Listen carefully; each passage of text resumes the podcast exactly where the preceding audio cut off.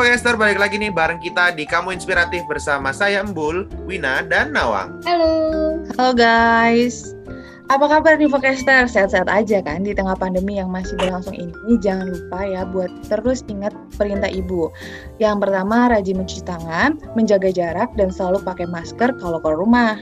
Di episode Kamu Inspiratif kali ini, kita sudah bersama mahasiswa berprestasi dari Universitas Indonesia yang ceritanya tentu saja sangat menginspirasi untuk menemani Vokester di rumah. Nah, bintang tamu kali ini merupakan mahasiswa program pendidikan vokasi Universitas Indonesia yang berhasil menjadi mahasiswa berprestasi di Universitas Indonesia dan dia merupakan juara ketiga ajang Mapres Nasional program Diploma 2020 dan sudah banyak penghargaan yang didapatkannya selama di Universitas Indonesia. Dan pada episode kali ini tentunya kita akan membahas tentang pengalaman menarik dari bintang tamu kami mengenai mahasiswa berprestasi baik di tingkat nasional maupun di universitas serta kiat-kiat dan syarat-syarat apa aja yang diwajibkan untuk menjadi seorang mahasiswa berprestasi. Nah, pada kesempatan kali ini kita akan kulik semuanya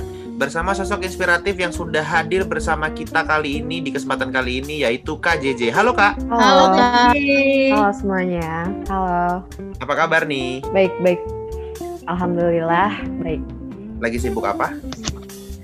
Uh, kesibukannya ya karena masih kuliah semester akhir jadi udah uh, udah jelas ya kuliahnya lagi padat-padatnya terus juga lagi sibuk uh, magang virtual juga. Kalau kesibukan di menjadi mahasiswa berprestasi?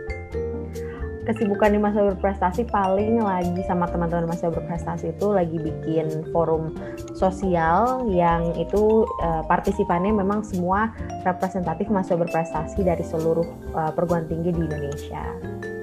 Wah luar biasa. Uh, Boleh dong kak, uh, sebelumnya kenalin dulu nih, perkenalkan dulu mungkin buat teman-teman semua Vokester di sini ada yang belum tahu nih tentang profil KJJ. Profil singkat aja kak, mungkin boleh dikenalkan? Oke, okay, uh, eh, halo podcaster. Uh, aku Jenner Syabani, biasa dipanggil JJ. Aku lahir di Bekasi uh, tanggal 22 November tahun 2000. Terus pendidikan terakhir aku sekarang aku kuliah di Universitas Indonesia di program vokasi jurusannya administrasi perkantoran.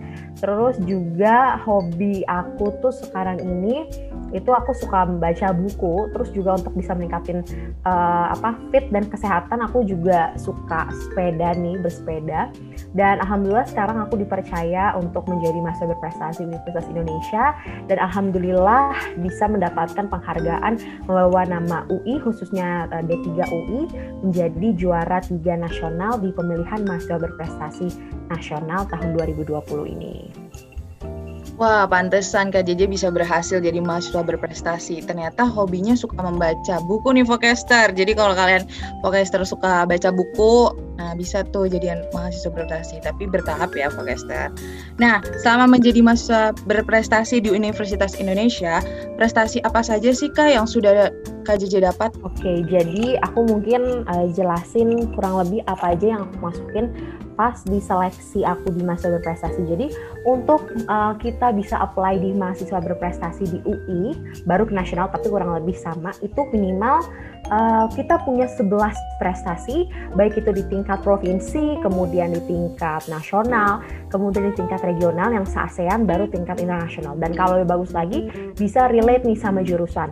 Uh, misalnya kayak waktu itu aku pernah ikut lomba uh, jadi first runner up English Public Speaking di Universitas Pancasila, kemudian uh, first runner up English Public Speaking juga di Vokasi IPB, kemudian second runner up English Debate di Olimpiade Ilmiah Vokasi Indonesia waktu itu di Undip tahun 2019. Kebanyakan sih 2019. Kemudian jadi Best Speaker English Debate, kemudian juga ikutan MUN di Bali International uh -huh. Organization kemudian juga ikut lagi kayak Business English Presentation di UNY Jogja tahun 2019, kemudian Business Communication Skill, Business uh, Competition uh, Communication, kemudian juga uh, ikutan exchange student waktu itu ke National University Singapura sama University Putra Malaysia pada pertukaran manajemen Young Entrepreneur kayak gitu sih kurang Wow, lebih. keren banget. Nah, tadi kan udah banyak okay. ya apa namanya uh, uh, apa namanya prestasi-prestasi lah yang sudah berhasil diraih gitu ya selama mungkin dua tahun ini berarti ya 2019 dan 2020 atau 2020 uh, jarang karena lagi pandemi seperti ini. 2020 udah pensiun kali ya dari dari oh, 2018. 18 ya, 18 19. Oke. Okay. Ya. Nah, terus gini, uh, ada syarat-syarat apa aja sih untuk menjadi mahasiswa berprestasi itu biasanya kan pasti kan untuk mencapai suatu ajang yang tingkatnya tuh nasional gitu ya itu kan pasti agak banyak tuh biasanya tuh ya hal-hal yang harus di di di di, di apa namanya untuk dilengkapi gitu. Nah itu digali. ada, Ya, ada nggak sih syarat-syaratnya atau apa aja gitu mungkin bisa dijelaskan buat teman-teman Vokester semua yang mungkin mau mencoba menjadi mahasiswa berprestasi kan? Hmm, Oke, okay.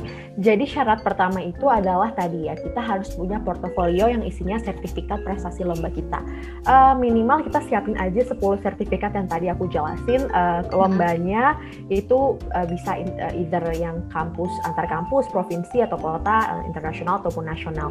Dan lebih bagus lagi kalau misalnya mata kuliah lo, uh, mata kuliah mata lomba kita itu relate sama jurusan kita karena kebetulan kan aku administrasi perkantoran jadi hmm. juga sering bergelut di bidang communication dan juga administrasi jadi ya carilah lomba yang kira-kira mirip lah jadi nanti ada nilai plusnya Kemudian juga yang kedua selain portofolio dan itu yang paling penting sih portofolio karena ya memang lomba itu kan nggak selalu ada tiap bulan. Jadi memang kita harus nyicil kalau bisa ya hamin setahun lah kalau emang udah niatan pengen jadi mapres. Nah kemudian kita harus bikin karya tulis ilmiah. Ini sama sih, jadi waktu aku dari vokasi ke UI, waktu aku di vokasi dulu itu kan kita harus bikin karya tulis ilmiah lah, kira-kira sampai bab 2-nya gitu tentang uh, permasalahan sosial sesuai dengan tema pembangunan berkelanjutan atau mungkin teman-teman taunya Sustainable Development Goals.